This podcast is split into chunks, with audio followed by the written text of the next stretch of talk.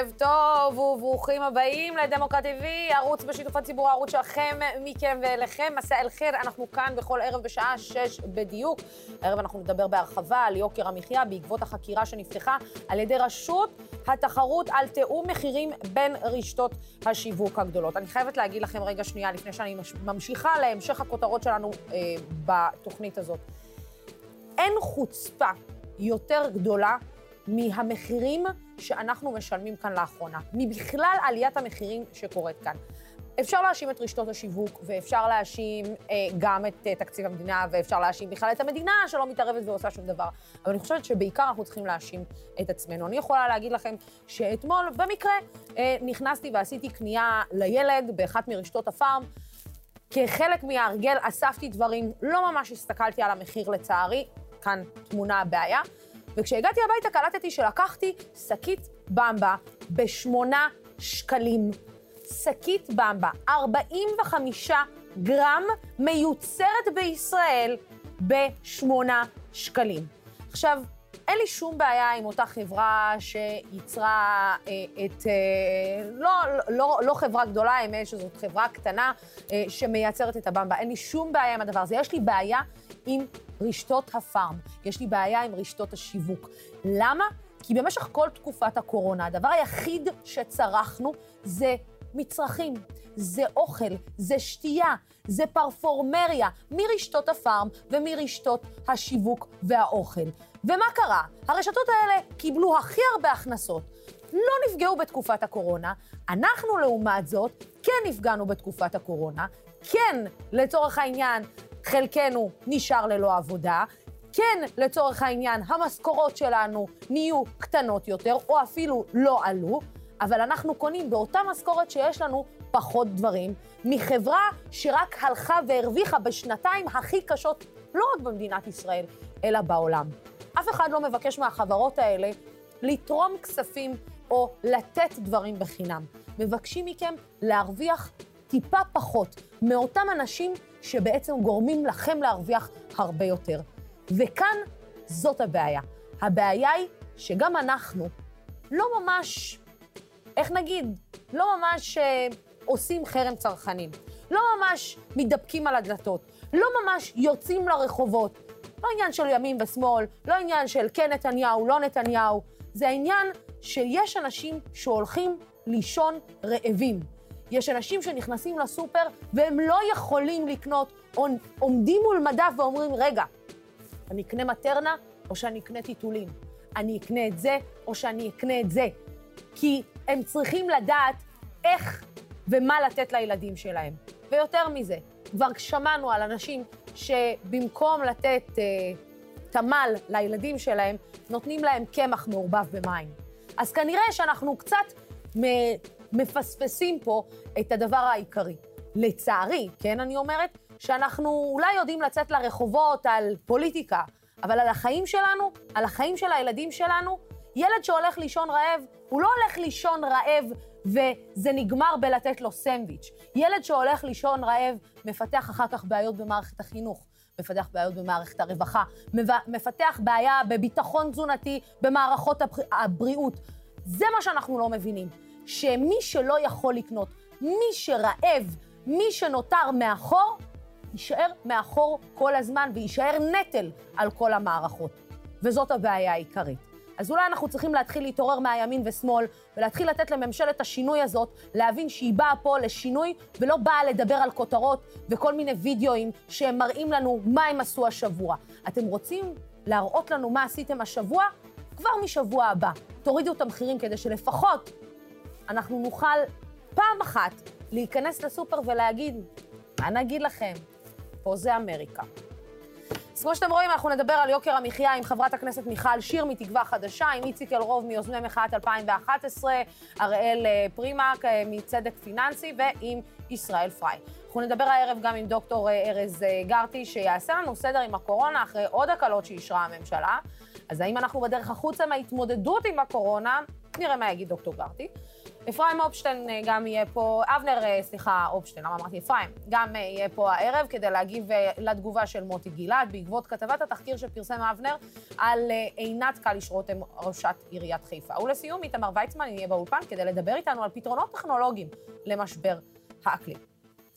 אתמול יצאה הודעה על פתיחת חקירה בחשד לתיאום מחירים בין רשתות השיווק הגדולות. בעקבות זאת התקיים היום דיון בוועדת הכלכלה, במהלכו הוצא רמי לוי מהמליאה. בואו נראה רגע את הקטע מהוועדה, ואז אנחנו נדבר כאן עם הפאנל שלנו. עבודה בחיים, אתה לא משרת את הצרכן, אתה בא לבוא להגיד לי כלום. תגיד לי, איך זה בשנת הקורונה, הרווח הנקי שלך עלה ב-50 אחוז? איך? נא להוציא אותו. אתה לא תדבר, אתה לא תדבר באופן לא מכובד לחברי כנסת בישראל. נא לצאת. אתה לא תדבר לחברי כנסת בישראל באופן לא מכובד. לא משנה מי אתה וכמה כסף אתה שווה. הוא בא לפה ותכנן מראש לעשות את המניפולציה הזאת. כן, ועכשיו אני רוצה להגיד ערב טוב לישראל פריי, כמובן הפרשן וכתב של דמוקרט TV, להראל פרימק מעמותת צדק פיננסי, שלום, שלום לך, ולאיציק אלרוב, יועץ תקשורת ויוזם מחאת הקוטג' בשנת 2011. איציק, אני רוצה להתחיל איתך, תסלחו לי רבותיי כאן באולפן, אבל אני רוצה להתחיל איתך. איך זה יכול להיות שאנחנו בעצם לא יוצאים לרחובות? לא, אז יצאנו לרחובות על קוטג'. מי מדבר היום על דירה בכלל? מי מדבר היום... אנחנו, אין משהו שאנחנו קונים היום שהוא לא יקר. אז איך זה שאנחנו עדיין בבית? קודם כל, אותן בעיות שהוציאו את הציבור לרחובות ב-2011, הן אותן בעיות שהיום אנחנו מדברים עליהן. סוף סוף מתחילים לדבר על הנושא החברתי. והמצב הזה שבו בעצם הנושא של החיים עצמם חוזר לסדר היום זאת הצלחה מבורכת ואנחנו צריכים להמשיך ללחוץ על הנושא הזה על מנת שהממשלה הזאת, ממשלת השינוי שבעצם עסקה כל הזמן בלהזיז את ביבי, עכשיו תתחיל לתת פתרונות גם בנושא יוקר המחיה, גם בנושא הדיור ובכלל להתעסק בחיים עצמם, בחיים של הציבור הישראלי. אני חושב שהדבר הזה שאנחנו רואים, פתאום מתחילים לדבר בחזרה על יוקר המחיה, זה דבר מבורך. יחד עם זאת, יש לי חשש שהרעש שאנחנו שומעים ביממה האחרונה, זה סוג של קול רעש גדול, אבל ייגמר בקול ענות חלושה, כי בסופו של דבר, אם מי שמזהה נכון, הוא רואה, רואה שהסיפור העיקרי והמרכזי כאן זה יותר כותרות למהדורות ולעיתונים, ופחות עשייה אמיתית. ככה שאם רשות התחרות באמת רוצה לפתור את בעיית יוקר המחיה ולטפל באמת ברמת המחירים במשק, היא צריכה לעשות צעדים הרבה יותר אמיצים ואגרסיביים, ולא כותרות למהדורות. ישראל, היום הדיון היה דיון מאוד מאוד טעון. בקרב, כמובן, בין מנהלי רשתות השיווק. לבין חברי הכנסת. יצא לי לראות חלק מה, מהדיון הזה. בסוף חברי הכנסת מעלים את אותן טענות שאנחנו מעלים אותן. הם נכון, פשוט... לוסי. ועדת הכלכלה בראשות חבר הכנסת מיכאל ביטון מתכנסת היום אה, לדיון ביוקר המחיה. אה, צריך לומר, הדיון הזה מגיע בזמן לא טוב לרשתות השיווק. אה, החל מהתחקיר שהיה על אה, מכירת המזון המוזלת באמצעות אתר ייעודי למגזר החרדי, אה, דרך החקירה שנפתחה אתמול ברשות התחרות, אה, פשיטה על משרדי אה, שופרסל ושטראוס, ובהמשך מצעד של נחקרים בחשד לתיאום מחירים באמצעות העברת מסרים בתקשורת, והדיון הזה מתקיים כשעל השולחן מונח מסמך של מחלקת המחקר של הכנסת, שהיא הרבה מעבר לתיאור על הבמבה שובה הלב שהיה בפתח המהדורה, לוסי, ומהתחושה שלנו, נתונים של uh, מכון המחקר של הכנסת, שקובע uh, שהמחירים בישראל גבוהים יותר ב-36 אחוזים uh, ממדינות ה-OCD, uh, רפורמת המזון שהייתה לא הועילה, ואנחנו באמת ניצבים בפני קטסטרופה, וכפי שאמרת, לאחר שנות, שנת הקורונה, שבהן רשתות המזון בלטו לטובה בתוצאות הכלכליות, איכשהו הכיס אה, אה, שלנו הולך להיות אה, מוכבד בעליות מחירים גבוהות. וגם בוא, גם ושם... בעקבות הירידה של הדולר, עם כל הכבוד, הם רק קונים יותר סחורה בפחות כסף. אז נכון. כאילו אין שום, אין שום הצדקה להעלאת המחירים אצלם. ומה שקורה שבתחילת הדיון, אה, אה, רמי לוי, המוכר כמובן מרשת, אה, מרשת המזון, אה, משתלח בחברי כנסת, הוא אומר, אני לא מכיר אתכם, אתם פופוליסטים, חבר הכנסת אופיר סופר, הוא אומר, מה עשית? לא, לא העסקת עובד אחד, הוא מכעיס את יושב ראש הוועדה והוא יוצא משם. אגב, הוא יוצא משם לא פחות ולא יותר הישר למשרדי רשות התחרות, שם ככל הנראה הוא נחקר, הוא הופיע שם, זה מה שאנחנו יודעים, ככל הנראה זה גם במסגרת החקירה הזאת. בשורה התחתונה מהדיון הזה יוצאות, יוצא הרבה זעם. יושב ראש הוועדה לא מקבל את הדברים, אבל כמו שאיציק אומר, אה, כרגע אין איזה שלא, לא, אין פריצת דרך, התקציב עבר, אין בו את הרפורמות שאנחנו זקוקים להן כדי אה, שישפיעו באופן מיידי על הכיס שלנו, אבל אה, הדברים האלה אולי ניתן לידידנו להרחיב. אוקיי, okay, אז ערב טוב. ערב טוב. אם ניקח את אותו תינוקת או תינוק שדיברת עליהם, הם גדלים. וחלק מהם אנחנו מוצאים היום בחו"ל בכל מיני מקומות. למה אנחנו מוצאים? לא בגלל איראן, לא בגלל חמאס, בגלל יוקר המחיה. בגלל שאי אפשר לקנות דירה, בגלל שאי אפשר ללמוד, בגלל שאי אפשר אה, אה, להתפרנס ואי אפשר לקנות אוכל לתינוק הבא שלך. אז קודם כל צריך להבין שכל הדיון הכאילו נורא תיאורטי על רשות התחרות, מה זה תחרות, הגבלים עסקיים, כלכלה, משפטים, מי ישמע, זה החיים שלנו פה, זאת אומרת, זה החיים וזה החברה שלנו פה. זה דבר אחד. דבר שני, צריך להבין מה התפקיד של רשות התחרות. 22 איש עם כדור, זה לא משחק כדורגל. זה הופך להיות משחק כדורגל כשיש שופט, נכון. כשיש חוקים. החוקים זה המצע שהמדינה נותנת לשווקים שלנו אה, אה, לפעול, אחרת זה ג'ונגל, אחרת זה ג'ונגל, זה, זה רשע ופשע. עכשיו, הרשות הכי חשובה בעניין הזה, שהיא, שהיא בעלת עוצמה בלתי רגילה, זאת רשות התחרות. רשות התחרות היא רשות אכיפה. היא יכולה להאזין, היא יכולה לעצור, היא יכולה לחקור, היא יכולה להגיש כתבי אישום. היא לא עושה, או לא עשתה בשנים האחרונות, שום דבר מזה. ראשת התחרות הקודמת, עורך דין מיכל אלפרין, החלישה את הרשות בצורה קטסטרופלית. למה? מאיזה סיבה? מאיזה סיבה? השפעה של לוביסטים? אני לא, קשה לי להיכנס לפסיכולוגיה של אנשים אחרים. כי, אני... כי בוא נודע לאמת, לאותם רשתות שיווק ולאותם אנשים שמעניינים, יש לוביסטים מאוד חזקים בכנסת. נכון, לנו אין לובי נכון, חזק נכון, בכנסת. אבל אני, אני... אני, מה נשאר לי לעשות? אני נשאר לי לעשות, טעות שלי, אני, אתה יודע, אני אומרת כצרכנית, טעות שלי, לא להסתכל על המחיר לפני שאני זה. אבל אתה יודע, כזה שבמהירות, והייתי צריכה לצאת, והייתי צריכה זה, לקחתי, אמרתי, טוב, נו, יאללה, במבה ניקח. ואתה יודע, זה ניצול, זה פשוט ניצול. זה ניצול. עכשיו, כצרכנית, יש לך מוטת שליטה מסוימת, אבל לא אינסופית. אני רוצה לתת לך אה, אה, דוגמה, איפה הצרכן לא יכול לעזור, או מאוד קשה לו. יש אה, יבואן בשם אה, שסטוביץ', שהוא אה, בעבר נקרא... שגם הוא הולך לעלות אה, אה, דיפלומט, נכון, כן. הוא הודיע ש-12% מחירים, למה הדולר יורד, מה קרה? אה, אה, שסטוביץ' הזה מביא את אה, אה, פלמוליב, קולגייט, אג'קס, עוד, עוד כל מיני אה, אה, דברים.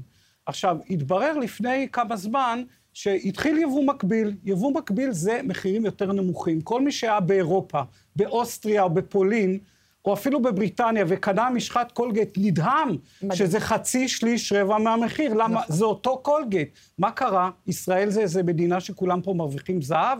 לא, זה בגלל שסטוביץ'. התחיל יבוא מקביל, מה, מה עשה שסטוביץ'? לא ניכנס לפרטים. הלשין ליצרנים וחסם את היבוא המקביל, או ניסה, או עשה צעדים אה, אה, לצנן את זה. יחד מדהים. עם השותפים שלנו בלובי 99, פנינו לרשות התחרות, אמרנו, מה, מה, מה קורה פה? למה אתם מאפשרים את זה?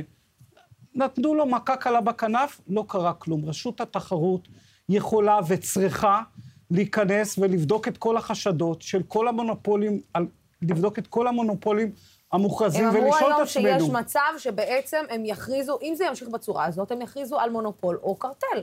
זאת אומרת, הם יכריזו על חלק מהרשתות השיווק כמונופול או קרטל. נכון. השאלה, מה זה אומר? זה אומר שיהיה... אה, הם מאפשרים את השוק לפתיחה יותר של יבוא מחו"ל, זה אומר שאנחנו... איך, איך, איך בסוף זה ישפיע אוקיי, עליי אז, בכיס? אז, אז איך, איך זה ישפיע? דבר ראשון, תראי, להיות מונופול זו לא עבירה, אוקיי? קרטל זה עבירה, זאת עבירה פלילית, זה תיאום מחירים, אנשים הולכים לכלא על זה, אוקיי? מונופול זה אומר שיש לך כוח שוק גדול. עכשיו, ברגע שהרשות מכריזה, או בית משפט, מכריזים עליך כמונופול, ניתן לעשות כל מיני דברים. ניתן, ניתן להכניס מתחרים, הגנות, ניתן להגביל אותך, אוקיי? ואז לסדר את השוק. עוד פעם, יש 22 חבר'ה שמשחקים על מגרש עם כדור, בא שופט ואומר, חבר'ה, זה נבדל, זה פאול, זה חוץ. יש חוקים. בואו בוא, בוא נעשה את החוקים האלה. כמובן, אסור אה, אה, לתאם מחירים, אבל יותר חשוב מזה, הרשות עסקה בשנים האחרונות באמת בדברים שאני מוכרח להגיד שהם מגוחכים. עם קרטל גיזום העצים בירושלים, מי ישמע? קרטל ספרי הלימוד, קרטל קרטוני החלב, לא קרטל החלב, קרטל קרטוני החלב. אבל את הגדולים במזון, אנרגיה אה, ופיננסים, היא לא טיפלה... בואו בוא ניתן לך דוגמה, דוגמה, ממש הרשות... אני רק רוצה רגע שנייה להפנות אה, שאלה אה, לאיציק. איציק, אתה יודע, אנחנו... השאלה היא, האם באמת בסוף ייתנו מכה קלה בכנף לרשתות השיווק. הרי הסיפור הזה של תוכנית חיסכון של התחקיר של מעיין פרטי, שגילה שיש אתר סודי שבו אנשים יכולים לקנות יותר בזול, הרי זה מה שפוצץ את כל הדבר הזה. זאת אומרת, אם אתה נותן לחלק מהאנשים לקנות לא ב-10 אחוז, לא ב-20 אחוז, ב-30, 40 ו-50 אחוז יותר בזול, זאת אומרת שאתה יכול לעשות את זה לכל האוכלוסייה ואתה עדיין מרוויח. זאת אומרת, לא, אתה, לא, אתה לא מפסיד. אז, אז אתה יודע, השאלה אם זה בסוף יסתיים בנו נו נו, או שבאמת אה, ישימו לזה סוף, ומה, מה, אתה יודע, במקום להתעסק, סליחה, עם כל הכבוד אה, ליאיר לפיד, אה, כן, אבל במקום להתעסק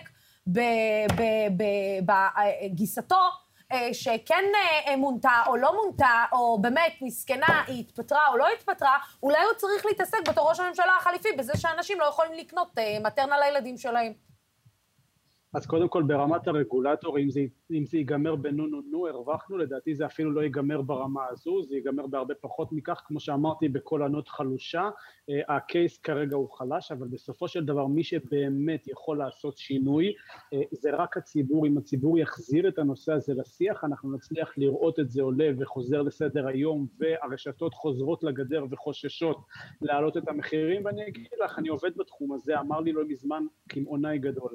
עם הרווחים שאנחנו עשינו בתקופת הקורונה, שאנשים לא יכלו לטוס לחו"ל, אנשים לא יצאו למסעדות, אנשים את כל הכסף שהם...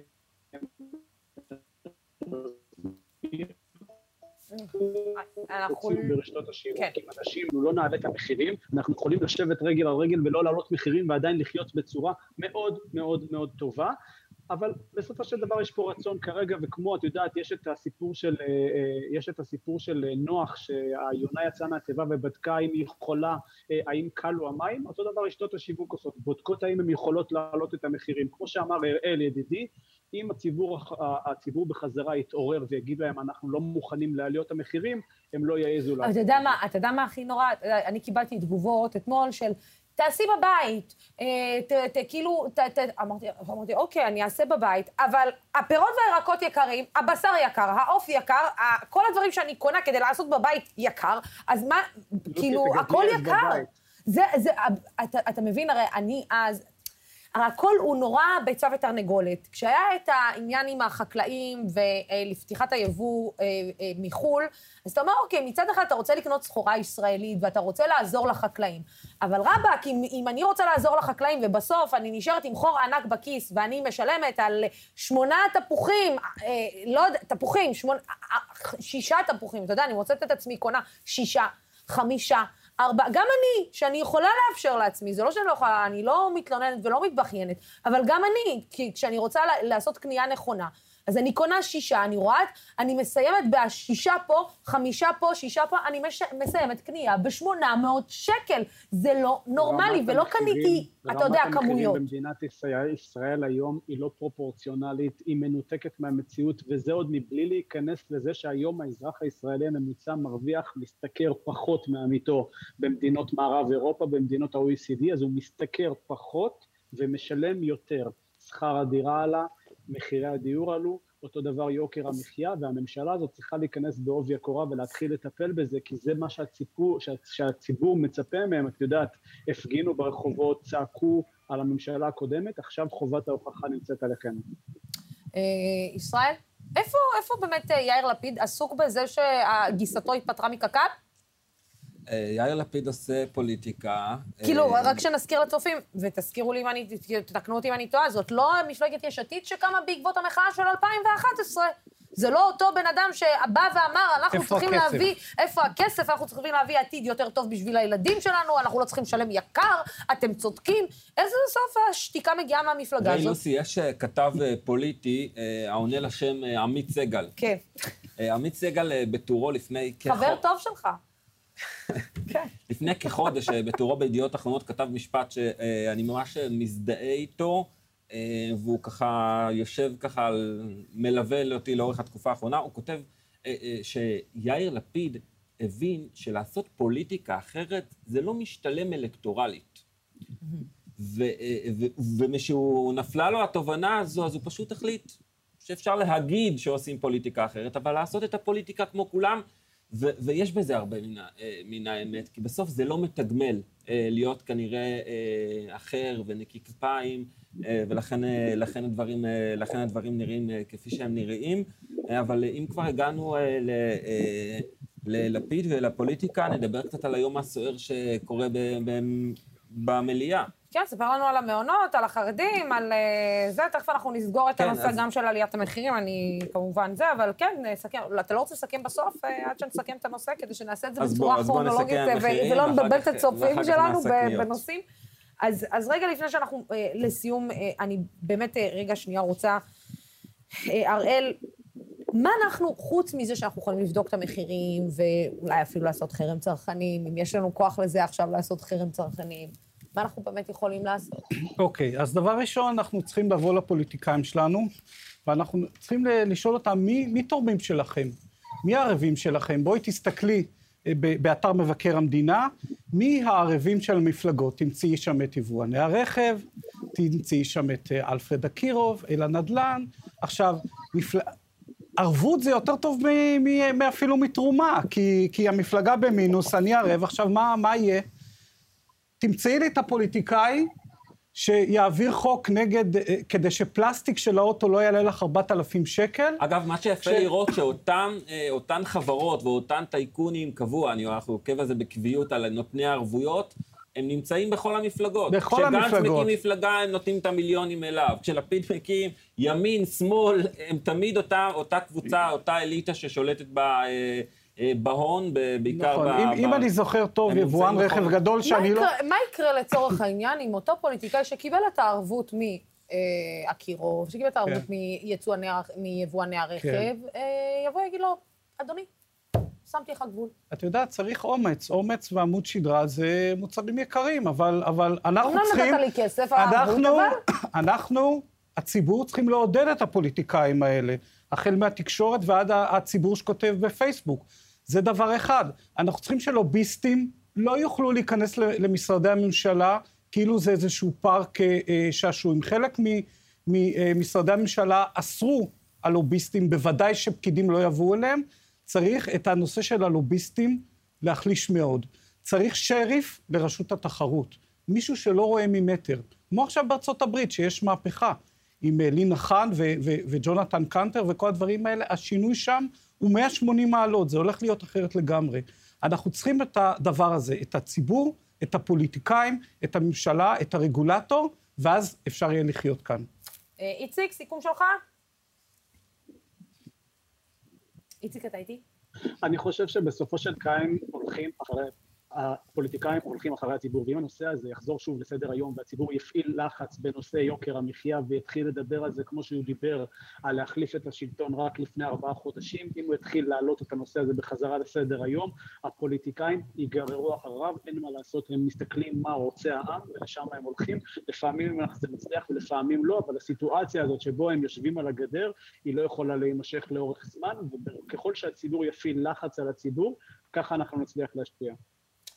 ישראל, קודם כל איציק אה, והרל, תודה רבה אה, לשניכם על הדברים האלה. ישראל, אתה לסיכום, אה, בוא רגע תסכם לנו בקצרה עם ענייני מעונות החרדים, החרדים וגם היום הסוער שהיה בכנסת. כן, למעשה אחרי שעבר תקציב המדינה, משתחרר פקק של מערך החקיקה בכנסת, שכבר שותק למשך הרבה זמן.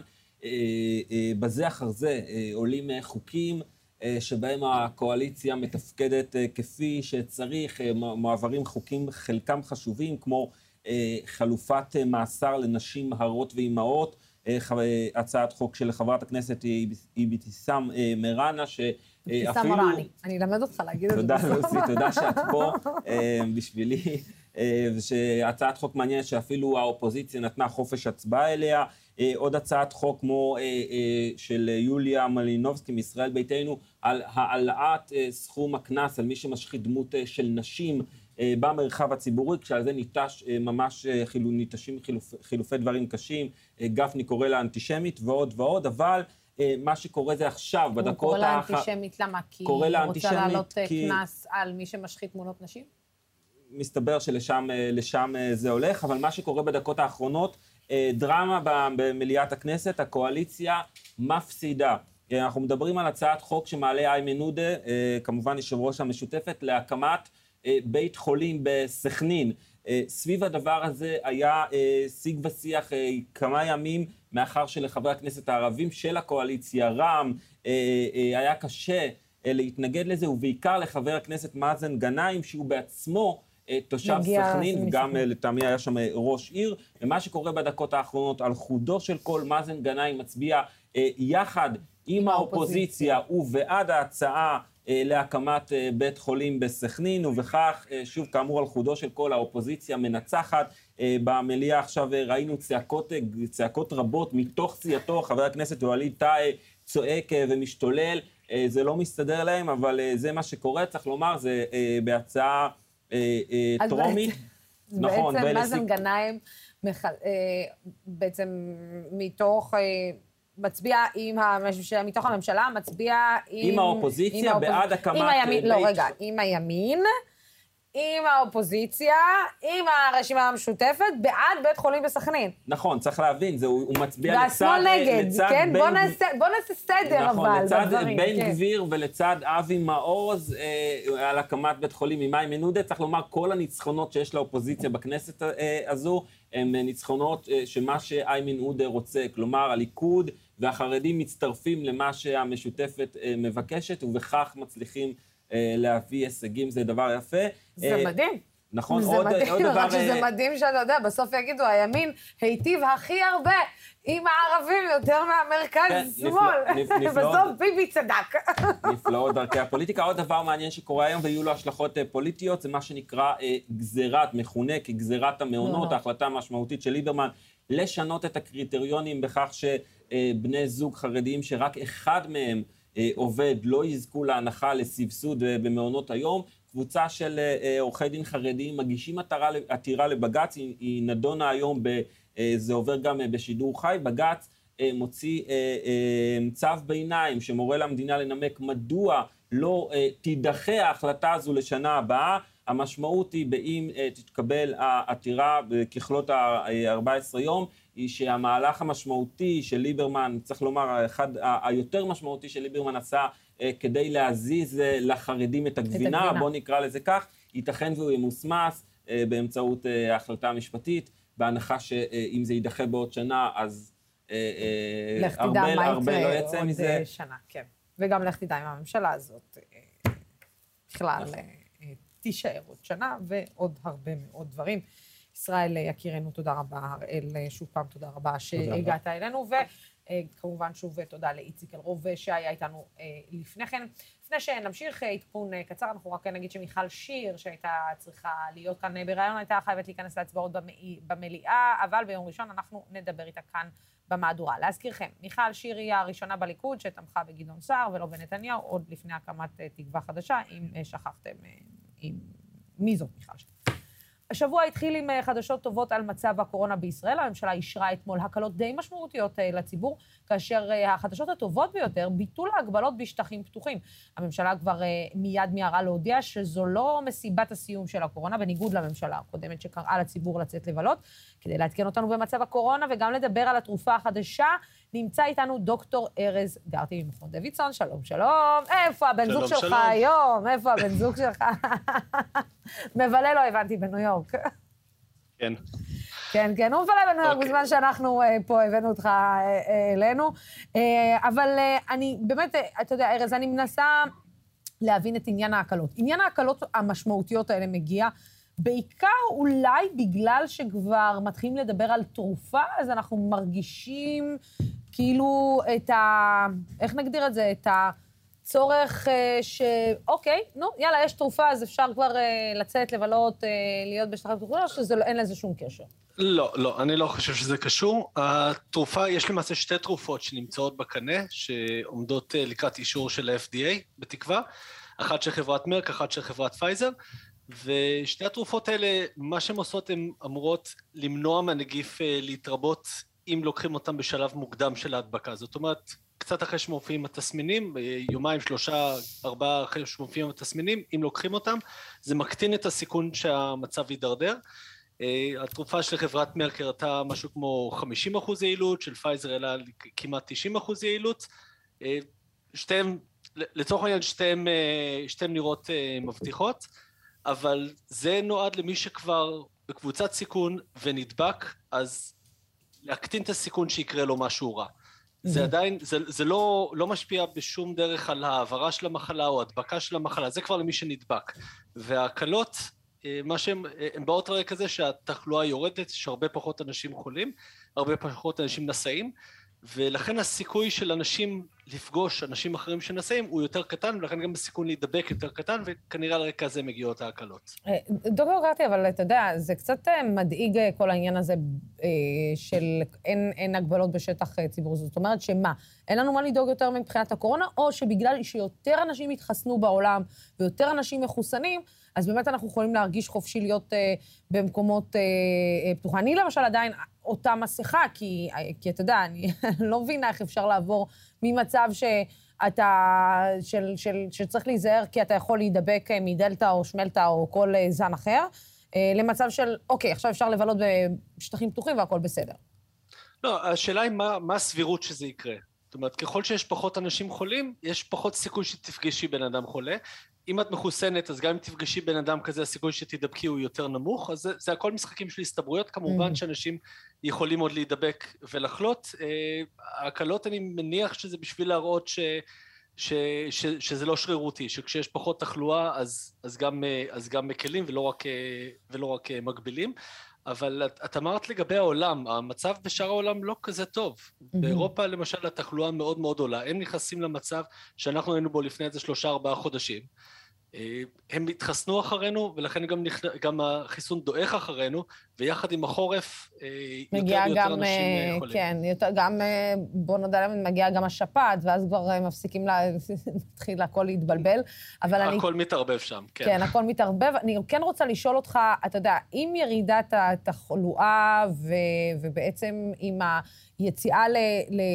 כאילו, בוא נגיד, הסרת ההגבלות על מקומות ציבוריים ופתוחים, בוא רגע שנייה נחשוב ביחד, האם זה באמת אה, צריך להכניס את המדינה לעניין של, לעניין אה, לחיסון ילדים כן או לא? זאת אומרת, אולי אפשר לשים פחות דגש על העניין הזה, אולי זה יכול לעבור לעניין של המלצה, במקום לבוא ולהגיד, אתה יודע, אה, לכו תחסנו את הילדים, לשים על זה עכשיו משאבים ולזרוק על זה משאבים, כשבסך הכל אנחנו במצב מצוין.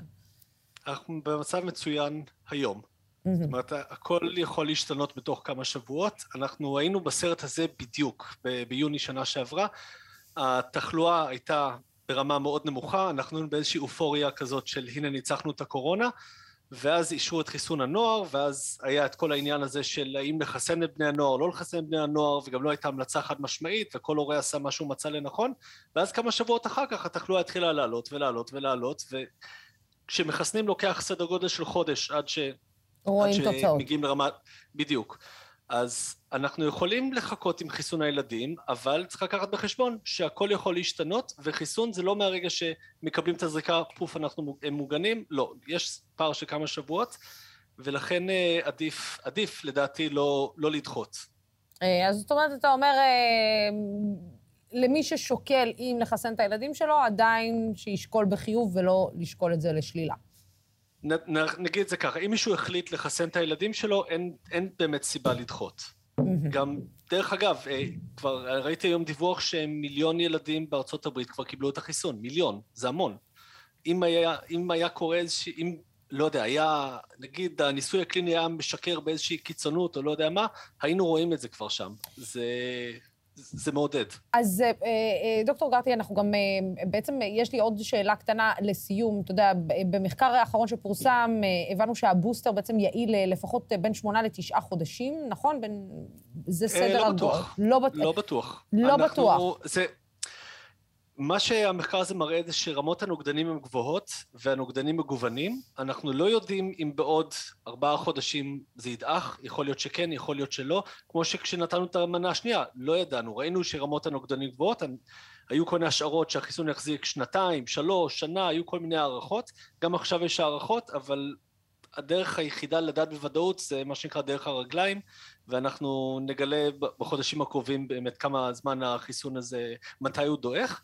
מה שכן, בניגוד לפעם שעברה, בניגוד לאחרי המנה השנייה, אנחנו עכשיו יותר ערים לזה, ועכשיו באמת mm-hmm. נעשים יותר סקרים ויותר בדיקות, ונמצאים מיד על הדופק, אז כשהחיסון יתחיל לדעוך, ידעו את זה בזמן, ולא לא כשאנשים יתחילו להגיע בתי חולים. אז זהו, זה בעצם, זה הולך לי, לי זאת אומרת, אנחנו הולכים לקראת מנה רביעית, או שבעצם אנחנו כבר לא כמעט לא שנה אחרי החיסון הראשון, אז יכול להיות שבעצם אנחנו צריכים להתחסן כל שנה, אה, כמו שעושים עם השפעת.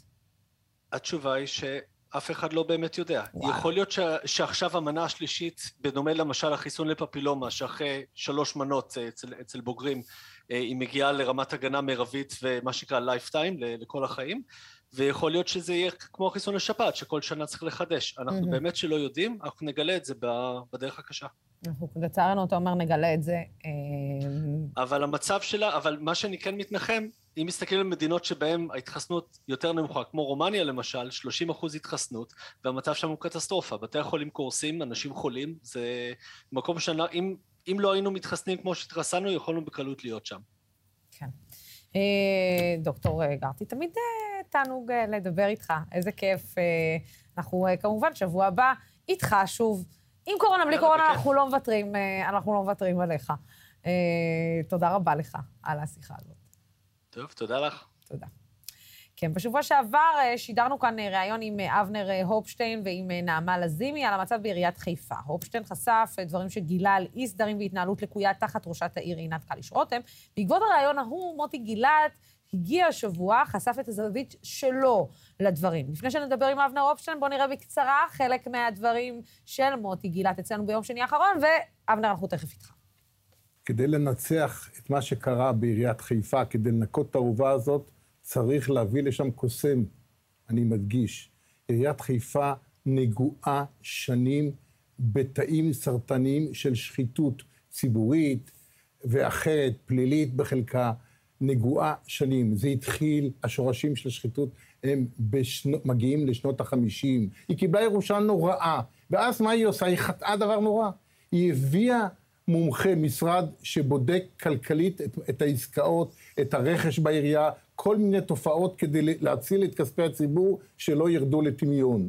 וישבה חברה ועבדה ובדקה בחצי שנה האחרונה או בשנה האחרונה את מה שקרה בעירייה אחורה, וכל אבן שנייה שהרימו, מתחת, מתחת אותה אבן גילו דברים חמורים. באותו רגע שפשט בעיריית בחיפה הסיפור הזה שהחברה הזאת מתקרבת לכל מיני אנשים מרכזיים בעבר הרחוק, בעבר הקרוב, וכאלה שעדיין בעירייה, התחיל מחול השדים נגד ראשת עיריית חיפה. אומר אה, מוטי גילת, מחול שדים נגד אה, ראשת עיריית חיפה, שאולי ההתנהלות שלו לא נכונה, אולי לא יודעת לדבר עם עיתונאים, אולי... אבל היא מנסה לעשות טוב, אבל פשוט זה כל כך עמוק, השחיתות כל כך עמוקה שם, ש... יכול להיות שגם היא לא יודעת מאיפה להתחיל ואיך לסיים. קודם כל אני אגיד שאני מאוד אוהב את uh, מוטי, אה, מעריך, אפילו. מעריץ אותו. הוא מורנו ורבנו של כל מי שעושה. גם הוא אותך, גם הוא אותך, גם הוא אותך. כן, לא, אז, אז אין פה כמובן שום עניין אישי, מוטי הוא, הוא, הוא במידה רבה מורי ורבי אה, בתחום של עיתונות חוקרת. יחד עם זאת צריך להבין את המצב כיום, וצריך להבין אותו היטב. אה, העובדה שלפני שלוש שנים הגיעה ירושה מושחתת כזו או אחרת, העובדה שלאורך שנים רבות הייתה שחיתות בעיריית חיפה, אינה יכולה להוות גושפנקה ומתן אישור לשחיתויות היום. זה, זה מאוד מאוד פשוט. אם קליש רותם הייתה נבחרת לפני חודש, חודשיים, חצי שנה, הייתי אומר, בסדר, ירושה, היא עוד מחפשת את דרכה בתור, בתוך, בתוך, בתוך אה, שדה הפצצה הזה. אנחנו נמצאים שלוש שנים לתוך אה, כהונתה. אה, אנחנו רואים דברים שהם בלתי נתפסים. אנחנו רואים מנהל לא תקין, קידום מקורבים, הכל על ידה, בלי קשר אה, ליריביה הפוליטיים. אמירת שקרים או חצאי אה, אה, אמיתות לציבור.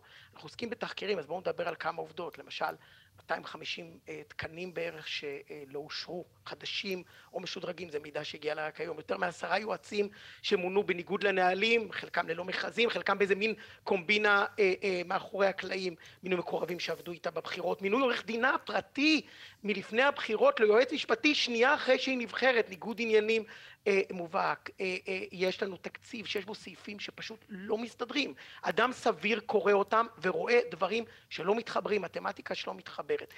אה, אה, אה, ובתוך כל הדבר הזה ראש עירייה אה, שבאה והבטיחה אני אהיה משהו אחר. בסדר, היה עד עכשיו נורא ואיום ומקולקל, עכשיו אני אביא משהו אחר, משהו שקוף, אני אביא שיח עם הציבור, אני אביא אה, אה, גישה אחרת לכספי ציבור, וכל הדברים האלה נופלים על הקרח.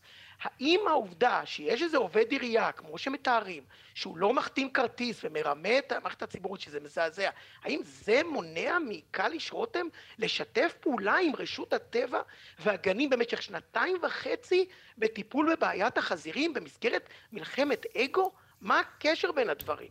אז נכון, יכול להיות שהייתה לה ירושה קשה וצריך לתת לה קרדיט ואולי חבל ארוך, ואני חושב שניתן.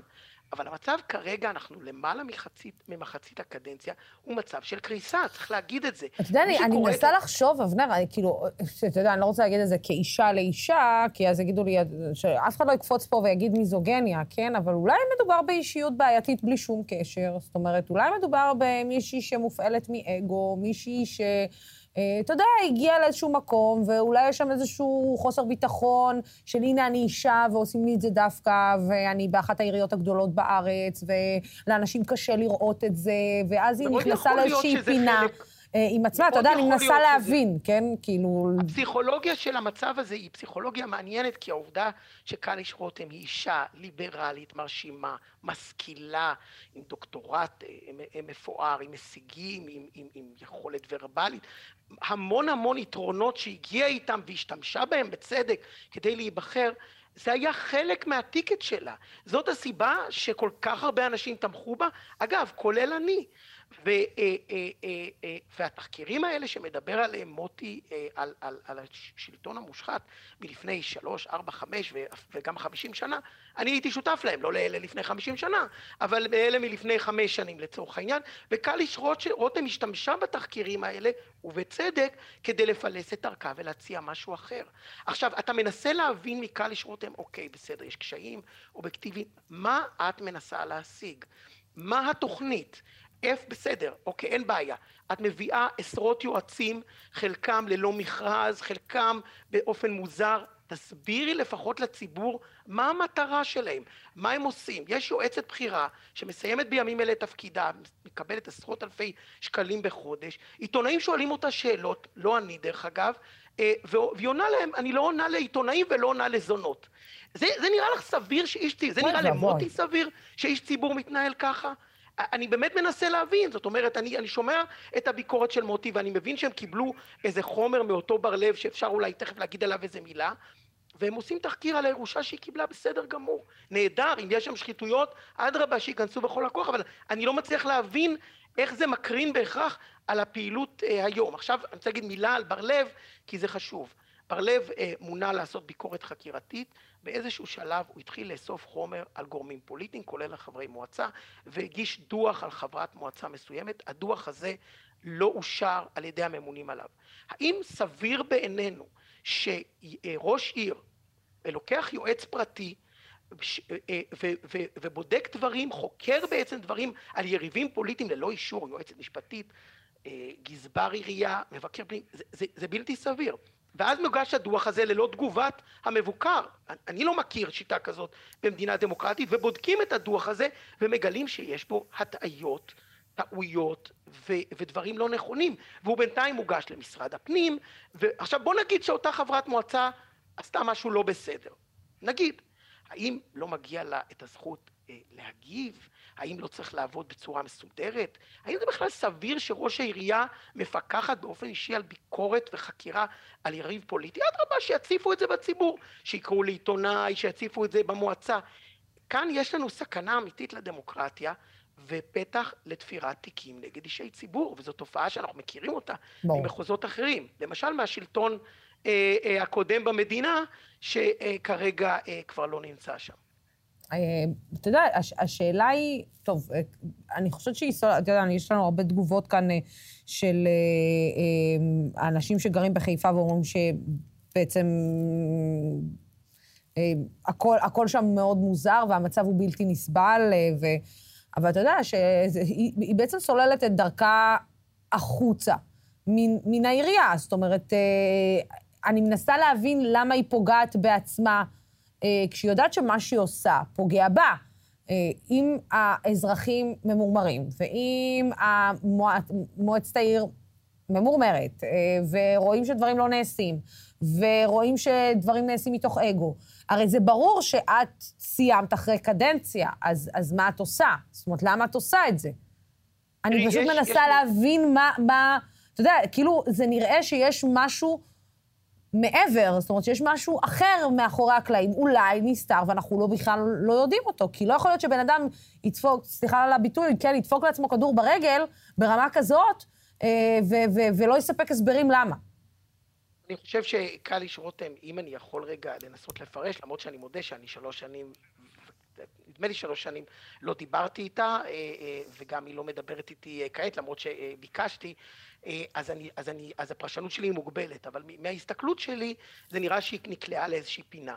זאת אומרת, היא, היא, היא, היא נסגרה בתוך איזה בועת צדק עצמי, שבמידה רבה גם מגובה על ידי חלק האנשים, מהאנשים שלצידה, שאני נמנע מלהטיל עליהם את האחריות, כי אני בעד להטיל את האחריות על הראש, אבל הם חלקם נותנים לה עצות אחיתופל, והיא נכנסת לאיזשהו לופ שהיא לא מצליחה לצאת ממנו. עכשיו למשל סתם, גישתה לעיתונות למשל, כדוגמה, כן? היא אומרת, העיתונאים המקומיים היו נגדי מההתחלה, ולכן אני לא משתף איתם, איתם פעולה. קודם כל, אני לא חושב שכל העיתונאים המקומיים היו נגדה, יכול להיות שחלק היו, ויכול להיות שחלק עשו את זה גם ממניעים אה, אה, לא טובים או לא כשרים, אני, אני לא יודע. אבל מה הסיבה שלה אה, להתעלם ולהתכחש ו, ו, ואפילו לטנף דרך אה, דוברה על עיתונאים ארציים? מה זה נותן? מה זה, נגיד, נגיד שהם לא נחמדים, מה זה נותן לה? מה זה נותן לה? הרי, הרי את עכשיו בתפקיד, קיבלת ירושה קשה ורק רק קוסמת, אבל את הקוסמת, את הקוסמת וקיבלת מנדט נדיר לתקן את חיפה.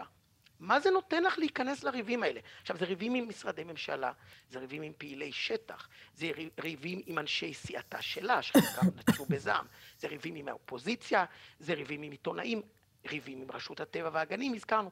אני לא מצליח להבין על מה היא רבה עם פה. רשות הטבע והגנים? על מה יש כבר לריב עם רשות הטבע והגנים? רשות הטבע והגנים היא הגורם המוסמך לייעץ ולתת אישורים בענייני חזירי בר, בענייני אה, אה, חיות אה, אה, בר. במקום לקחת את רשות הטבע והגנים, להחזיק אותה יד ביד ולהגיד לה בואו נעבוד יחד כדי לפתור את הבעיה הזאת, אני רוצה פתרונות אחרים, אני לא רוצה דילול, אני רוצה גידור, אני רוצה חינוך, whatever. זכותה, היא המנהיגה, היא לא חייבת ללכת אה, בשיטות הקיימות. במקום זה היא התחילה לפרסם פוסטים על רשות הטבע והגנים. נוצר שם ריב, רשות הטבע והגנים התרחקה מחיפה. ובמשך שנתיים וחצי לא היה שיתוף פעולה. ועכשיו יש הסכם, אבל שלוש שנים אחרי זה כבר קצת מאוחר, ואנחנו יודעים שהחזירים התרבו, מספרם גדול יותר, הם מטילים את חיטתם על הציבור.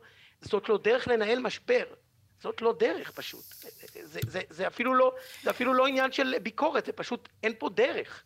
כן, אני חושבת שזה בדיוק, אה, סיכמת את זה יפה, אין פה דרך. אה, זו, זה זה בדיוק הבעיה, ושאתה יודע, אולי אנשים שלוחשים אה, על אוזנה, הם לא האנשים הנכונים, אבל אתה יודע, השערות, השערות, אנחנו לא יכולים לדעת למה בן אדם הולך במדרון חלקלק למטה, וכשהוא יודע והוא רואה את כל מה שהוא עושה ולא אולי רוצה. תבוא אליי, אולי תבוא אלייך ותתראיין אצלך. ננסה, ננסה, אתה יודע מה? ננסה.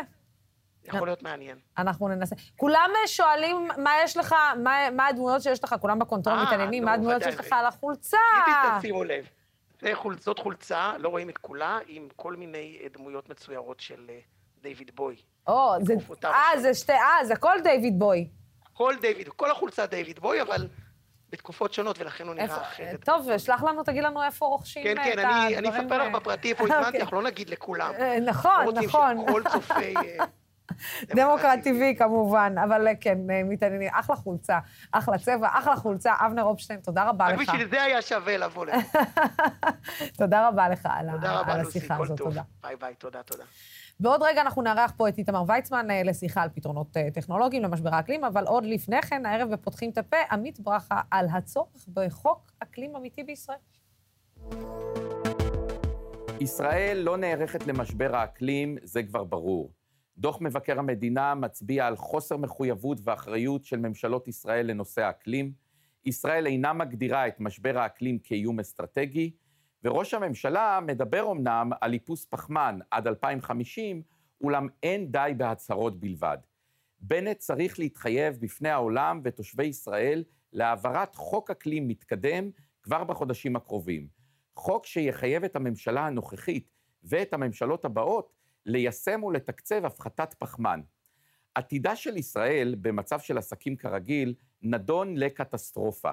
שיטפונות והצפות, שריפות, רצף של ימי שרב, אובדן גידולים חקלאיים ופגיעה בביטחון התזונתי, משברי מים, מהגרי אקלים וחשש כבד למלחמות גיאופוליטיות.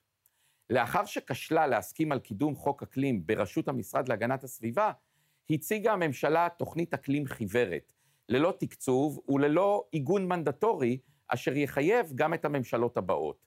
לכן, רק חוק אקלים יניח את הפלטפורמות הדרושות לשם יישום וביצוע התוכניות להפחתת פליטות ולהיערכות נכונה. רק חוק יאפשר למשרדי הממשלה ולממשלה כולה לחייב את התעשייה לעבור לכלכלה דלת פחמן ולאכוף עליה עונשים וקנסות במידה ולא תנהג כך. רק חוק יאפשר לייצר תמריצים כלכליים נאותים עבור הסקטור הפרטי והתעשייה הכבדה, וכל זאת בדרך למעבר למשק אנרגיה נקי. וכאמור, רק חוק שאישרה כנסת ישראל, היא הריבון, יחייב גם את הממשלה שתהיה כאן בשנת 2050 לעמוד ביעדים שאפתניים להתמודדות עם המשבר. הציבור הישראלי ראוי להרבה יותר מכך ממנהיגיו ומהעומד בראש הממשלה. מה שייכתב ויהפוך למחייב היום, הוא שיאפשר חוסן אקלימי לילדינו בשנת 2050.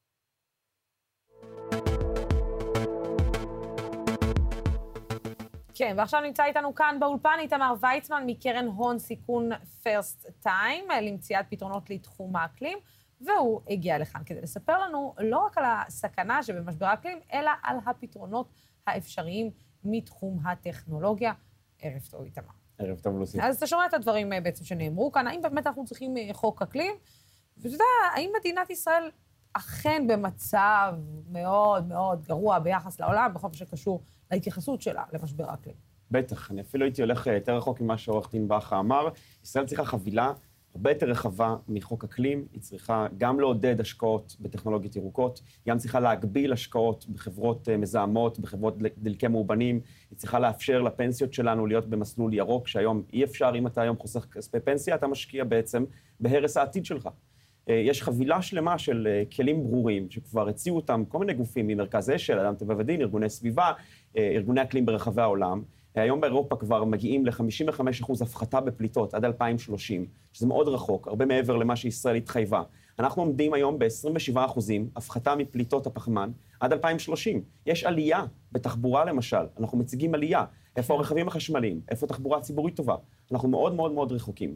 אז מה הפתרונות שלנו בעצם? אתה יודע, אני אומרת, אנחנו רוצים, אנחנו אומנם מדינה קטנה, אולי יש לנו השפעה קטנה, כמו שאומרים, על, אה, כמו שאמר גם ראש הממשלה, על המשבר אקלים העולמי, אבל אנחנו כן יכולים לרתום ולעזור, ואולי אפילו מה שנמציא פה, או יש לנו פתרון פה, יכול לעזור למקומות הרבה יותר גדולים בעולם והרבה יותר משפיעים מאיתם. לגמרי. אז קודם כל, בעולם האקלים יש שני מונחים, אדפטציה, שהמטרה היא אה, בעצם להיערך למשבר האקלים, ומיטיגציה, איך אנחנו מפחיתים את הפליטות ואת הנזק שאנחנו עושים. עכשיו, באדפטציה, אנחנו צריכים להיערך למצב של בצורות. במדינת ישראל כרגע אנחנו נשענים הרבה מאוד על יבוא מזון, ואם אנחנו לא נפתח כלים טובים יותר לחקלאות בת קיימא, אנחנו נהיה בבעיה מאוד קשה ככל שהשנים יעברו. זה למשל באדפטציה. גם גובה פני הים צפוי אה, לעלות, גם זה ישפיע פה על תל אביב. אנחנו רואים שורה של אה, אה, דברים שיכולים לקרות, שהם בלתי צפויים, בעקבות משבר האקלים. במיטיגציה אנחנו כן חייבים להפחית פליטות, משום שישראל, הקצב חימום פה הוא פי שתיים מהממוצע העולמי.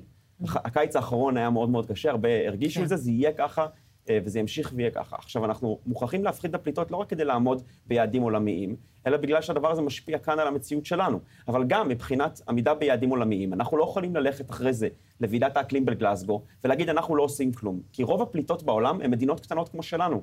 נכון, ארה"ב, סין, הודו, משמעותי מאוד, אבל רוב, רוב הפליטות בעולם הן מדינות קטנות, ואנחנו חלק מאותן מדינות קטנות. אבל אתה יודע, בעצם בסוף הבעיה הגדולה והעיקרית היא סין. ואם מישהו לא ישים, או העולם לא יתאחד וישים שם את הפוקוס גם על מה שקורה בסין, אז אתה יודע, כל המאמצים גם של כל העולם, פשוט לא... זה לא רלוונטי. אם המקום העיקרי שבו בעצם אה, אה, יוצרים את כל זיהום האוויר, לא מקשיב ולא, ולא לא משתף פעולה. נכון, זו בעיה מאוד מאוד גדולה, אבל אנחנו לא יכולים להמתין שכולם ישתפו פעולה כדי לעשות את הפעולה הנדרשת. עכשיו, חשוב לומר, 20% מהפליטות ההיסטוריות מגיעות מארצות הברית. מדינה אחת, המדינה העשירה בעולם, מדינה מאוד מפותחת, ברור. שהיא אחראית לרוב הפליטות, היא רק 5% ופחות מ- מאוכלוסיית כדור הארץ, והיא אחראית ל-20% מהפליטות ההיסטוריות. עכשיו, סין, רוב ההיסטוריה לא פלטה כמו אה, הברית, גם אה, ביחס לכמות האנשים העצומה שמתגוררים בה. זה חשוב מאוד שכל העולם יירתם למשבר הזה. אני הייתי בוועידת האקלים בגלסגו עם ראש הממשלה ועם השרה להגנת הסביבה ושרת האנרגיה, וכן היו שם הרבה מאוד נציגים סינים, אמנם אה, נשיא סין לא היה שם. עכשיו, זה מאוד מאוד חשוב שישראל תוביל אה, אה, במאבק הזה. הממשלה החדשה משדרת מסרים אחרים טובים יותר. אה, אנחנו רואים עכשיו יעדים יותר טובים לש- לשנת 2030, אבל זה לא מספיק. אתה יודע, זה לא רק שזה לא מספיק, זה נראה באמת... אה, איך, אני- איך אני אגיד לך? זה נראה כאילו זה, זה קשור ולא קשור אלינו, כי אנחנו גם לא יודעים איך לבלוע את זה, אנחנו לא חונכנו כביכול ל, אה, אה, להבין את... להבין את הסביבה שלנו, לאהוב, אה, למחזר, אה, להתנהג יותר נכון, לנסוע יותר נכון, לאכול יותר נכון, אה, לא לבזבז אוכל מיותר. לא חונכנו ככה, זה, הרי זה גם עניין של חינוך של שנים. חד משמעית. אנחנו רואים עכשיו באמת שיתוף פעולה בין משרד החינוך לבין המשרד להגנת הסביבה, בניסיון לייצר תוכניות לימודים טובות יותר. זה צריך להיכנס כבר מהגן, דיברת על תזונה למשל. 25% מהפליטות מגיע מהעולם החקלאי, אנחנו צריכים לאכול, אנחנו גם נרוויח בריאות טובה יותר, וגם נרוויח עולם בריא יותר. אבל uh, מעבר לשאלת החינוך, ישראל צריכה להוביל בתחום הזה ולעקוף את מדינות אירופה בהתפתחות שלה, כי זו הזדמנות כלכלית אדירה. אנחנו רואים פה תעשיית ההייטק אחראית למעל מעל ל-10% מהייצוא, ובסוף תעשיית ההייטק העולמית הולכת היום למקומות של מה שנקרא climate tech, טכנולוגיות בעולם האקלים. יש היום 1,200 חברות בתחום הזה בארץ, זה לא מספיק. יש דוח נפלא של רשות החדשנות וקהילת פלנטק שיצא עכשיו, שסך הכל גייסו בשנה האחרונה כל הסטארט-אפים ב climate tech בישראל כמיליארד דולר. אנחנו יכולים ללכת הרבה יותר רחוק משם, ויש שם הזדמנויות וביקוש אדיר, אדיר. איך משכנעים, למשל, את חברות הגז לשנות כיוון? אה, כי בסוף אה, אנחנו הצטרפנו כאילו לגז כבר כשכבר הבנו שלא כדאי להצטרף לגז, ובכל זאת אה, חילקו פה רישיונות על ימין ועל שמאל. אז איך אנחנו משכנעים בכלל את חברות הגז? זה להגיד, אוקיי, בואו, תקשיבו, חברים, זה לא עובד. אולי ניתן לכם משהו אחר בתמורה לזה שתפסיקו לייצר גז, או תפסיקו להשתמש ולקדוח אה, לחינם. כן, תשמעי, זו שאלה מאוד קשה, שבאמת אה, עולה ברחבי העולם, גם חברות גז וגם חברות נפט וחברות פחם, שעכשיו אומרים להם, תשמעו, השקעתם מאות מיליארדים בתשתית, ועכשיו תפסיקו לשאוב ולקדוח ולמכור. יש כאן בעיה, יש כאן אתגר, זה גם אנשים שהפרנסה שלהם תלויה בזה, זה לא רק הבעלי מניות, זה גם עובדים שנמצאים אי שם על איזה אסדה. אבל בסופו של דבר אין לנו ברירה, זה יבוא או בטוב, כלומר באמצעות אה, משא ומתן, באמצעות אה, רגולציה כבדה, באמצעות הסכמים של פיצויים, באמצעות איזשהו מין אה, הפחתה הדרגתית בשימוש, או שזה יבוא ברע. ואנחנו רואים כבר עכשיו מה ההשלכות של תרחישים רעים בתחום הזה. אז יש לנו עכשיו הזדמנות, עם, כל שנה אנחנו אומרים, זה הפעם האחרונה, זה הוועידה האחרונה, אבל אין מה לעשות. כל אה, רגע הוא רגע מיותר שאנחנו מבזבזים, וחייבים למצוא דרך לעבוד ביחד עם החברות והתאגידים הגדולים, למצוא תרחישים להפחתה דרמטית של פליטות ושל שימוש, וספציפית מדינת ישראל נמצאת במקום הרבה יותר טוב מבחינת היקף החברות אה, של הדלק, אה, של דלקים מזהמים, שיכולה לבוא איתם במשא ומתן. זה לא ארצות הברית, יש הרבה פחות חברות, ואפשר לרכז בעבודה נכונה של משרד האוצר, של משרד האנרגיה, של משרד ראש הממשלה, של המשרד להגנת הסביבה, הם צריכים להחליט לרצות את זה. בניגוד למה שאומרים, ראש הממשלה אמר דברים מאוד מאוד יפים, אבל בסוף צריך לשבת בחדר, לחתום על מסמכים ולהחליט להיכנס עם אנשים מסוימים למלחמה.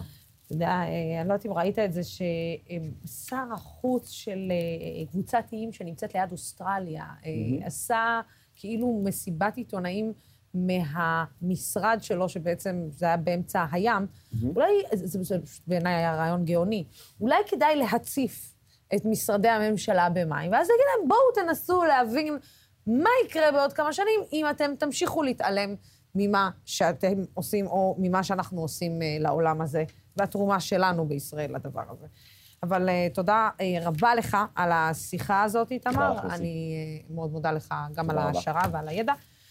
Uh, וכן, אולי על זריקת ההתעוררות. אנחנו מנסים להתעסק פה במשבר האקלים מדי uh, שבוע ואפילו מדי יום. Uh, ובשבועיים האחרונים כמובן מדי יום. Uh, אז מיד אחרינו כיכר שכיר עם יוסי לוי, והפעם עם יובל קרני ומזל מועלם. ובינתיים תודה רבה לצופים ולשותפים של דמוקרט TV. התוכנית הזאת אפשרית רק בזכותכם. בימים כמו אלו הולכת ומתחדדת החשיבות של ערוץ תקשורת שלא מפחד להביע עמדה נחרצת בעד הדמוקרטיה ובעד שלטון החוק, בעד המאבק בשחיתות ובעד מגוון של דעות. המהדורה המרכזית של דמוקרט TV בימים ראשון עד חמישי בשעה שש.